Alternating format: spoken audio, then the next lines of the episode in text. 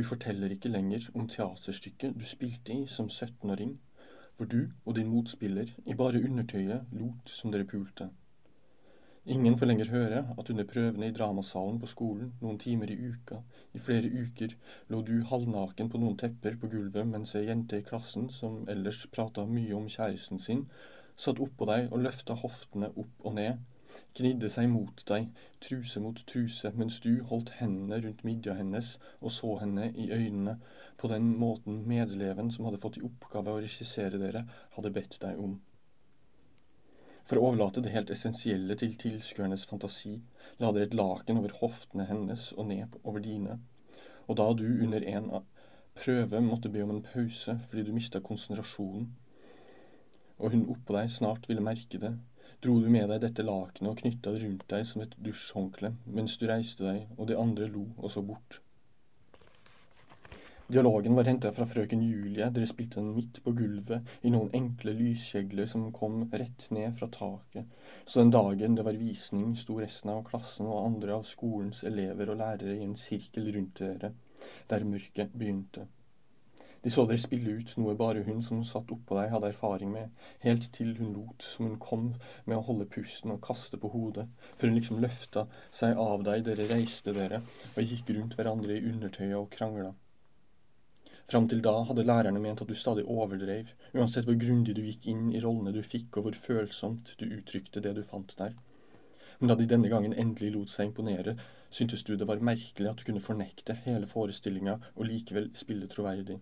Sist du fortalte denne historien, mens den ennå føltes vesentlig nok, sto du på et kjøkken på en fest, i en sirkel med andre pent kledde stipendiater. Du var den eneste som ikke kjente noen av de andre fra før, og hadde bare hørt på mens de diskuterte den seksuelle liberaliseringa de mente ungdom nå deltok i. Jeg hadde sagt at uh, en vil jo ikke moralisere, men jeg synes også det høres litt brutalt og følelses følelsesløst ut når de knapt kjenner hverandre.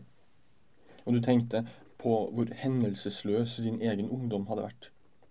Ei som fikla med halskjedet sitt, mente at denne tilsynelatende normløsheten kan jo gjøre det vanskeligere for uerfaren ungdom å forstå egne overgrepserfaringer som nettopp overgrep. Altså, hvis de tror at alt er lov samtidig som alt er nytt for dem, er det ikke lett å skjønne at dette skal jeg ikke finne meg i sånn uten videre. Alle nikka alvorlig og forestilte seg vel et overgrep på en sofa, omgitt av tomme ølflasker, før noen sa med lysere stemme nei, selv jeg holdt jo ikke et sånt aktivitetsnivå. Og alle lo. Hun som ikke ville moralisere, nevnte at hun hadde barn, før hun uoppfordra vedgikk at hun ville føle seg hyklersk når hun om noen år måtte sette grenser hun selv hadde brutt hyppig og ofte angra på. Vel å merke, la hun til, og avslutta med å si, men vi var jo uerfarne, da. Og da hadde alle fått anledning til å betro de andre hvor løsaktige det hadde vært for 10 eller 15 år siden, så du fikk det for deg at du burde fortelle om dette teaterstykket, siden du hadde vært så stille fram til da og tenkte historien kunne være et eh, relevant og litt komisk innslag. Selv om du var sliten da du tok ordet og historien ble litt omstendelig, skjønte du ikke helt hvorfor de andre verken lo eller fulgte opp. I stedet ble de stille, så ned og bort, retta på kjolen, en gikk og tok seg en øl i kjøleskapet mens du fortalte, ei dro opp mobilen. Sannsynligvis tenkte de bare at du hadde oversett den alvorlige tonen til siste taler, og uhøflig leda samtalen bort fra de egentlige problemene som denne tonen hadde hinta mot. Den farlige kombinasjonen av rus, seksuell utforskning og uerfarenhet. Og derfor avskrev de bidraget ditt som en tøysete og ustrukturert digresjon om en dramaklasse. At det var noe unnvikende i det du sa, var sikkert riktig, for ikke bare syntes du det var ekkelt, alt som fikk deg til å tenke på tenåringsseksualitet. Kysselyder bak i bussen, ungdomsserier, nyheter om kjønnssykdommer og manglende seksualundervisning. De minte deg også på at du selv aldri hadde vært ung på den måten de andre snakka så uanstrengt om. Du hadde heller slåss mot de driftene for å framstå så sindig som du da trodde du måtte være for at noen av de jentene du likte, skulle vurdere å være naken sammen med deg. Dette skulle ikke være merkbart for dem som hørte på, men kanskje noen av dem likevel fikk en fornemmelse av noe uavklart og undertrykt, og syntes det var pinlig at du avslørte deg sånn mens du trodde du bare var morsom, som om du uforvarende fortalte fremmede en opprinnelseshistorie. Det var alltid mye enklere å fortelle om den gangen du redda et barn, så lenge du passa på at noe i samtalen eller omgivelsene kunne foranledige en historie om deg som redda et barn. Som hvis du satt utafor en kafé og det løp unge rundt på fortauet foran deg og den du var der med. Da ville du følge med på disse barna eller se deg rundt etter foreldrene, og så forklare denne kikkinga som forstyrra samtalen med Unnskyld, eh, jeg blir bare litt nervøs av å se barn løpe sånn. Så kunne du la det gå noen sekunder til en forelder plukka opp barnet, eller det sprang inn i kafeen igjen, før du forklarte nærmere ved å fortelle om da du og din daværende kjæreste Camilla var på vei til en matfestival for å spise lunsj en lørdag, og det var mye folk overalt, og akkurat da dere hadde kryssa gata over til parken hvor denne festivalen ble holdt, kom det et barn løpende ut fra den veggen av voksne dere var på vei inn i. Kanskje han var ett eller to år gammel, du kunne ikke se alderen på barn, men idet du så den, denne gutten løpe mot veien en meter til venstre for deg på fortauskanten, ropte du høyt hei, og strakte armene ut, tok et langt skritt til sida og plukka han opp like før han ville ha ramla utfor kanten og en lastebil sakte trilla forbi bak dere. Men du mista balansen av det lange skrittet, og for ikke å, å dette oppå barnet du holdt i et fast grep om brystkassa, snudde du deg mens du falt og landa på ryggen på fortauet med han i lufta over deg, sånn foreldre leker med barn at de flyr. Og dere så hverandre i øynene som dere sperra opp, for dere var sikkert like overraska begge to. Først holdt dere pusten i ett eller to sekunder, og så pusta han fort noen ganger før han begynte å hyle, og Camilla tok han ut av hendene dine og la han med hodet mot skuldra.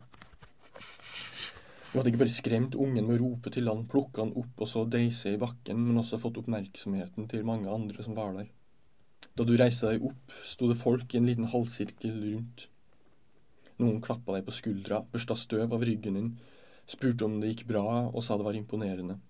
En smilte til sidemannen og sa 'dagens helt', og du nikka for liksom å bekrefte at det gikk bra, mens du så bort på Camilla som holdt gutten inntil seg strøyk han på ryggen og snudde seg rundt til det kom ei dame med et fortvilt ansikt ut av mengden.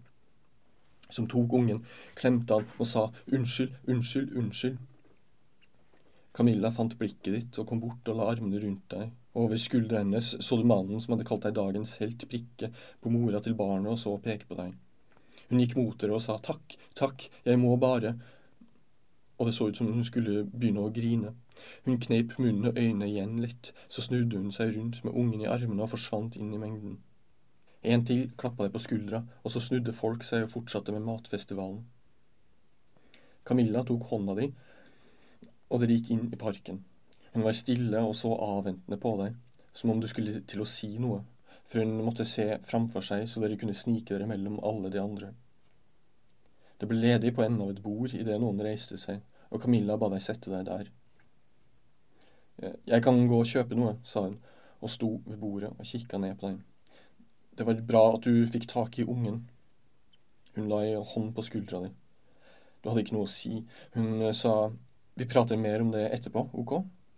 Og så gikk hun for å finne noe å spise, mens du satt der og venta og så på folk og lurte på hva du skulle føle om dette. Du tenkte at følelsen av tomhet betydde at du var letta, og så sjekka du mobilen til Camilla kom tilbake. Da dere spiste, så hun rundt seg og sa jeg skjønner at sånt kan skje, altså, men her, av alle steder, at folk ikke passer på ungene sine. Du nikka, og hun fortsatte. Det ser jo jævlig teit ut, da, men nå skjønner jeg hvorfor noen har småungene sine i bånd. Det er bedre å se skikkelig teit ut enn å bli plutselig barnløs på en matfestival, liksom. Og du nikka igjen, sa ja, og så tok hun hånda di for at du skulle se på henne. Hun sa du, og så deg i øynene. Jeg må si det, jeg ble skikkelig stolt nå. Jeg tror noen pekte på meg i sted da jeg sto i køa. Sånn, der er hun som er sammen med han som redda den ungen, liksom. Og det er jeg jo. Og så klemte hun hånda di.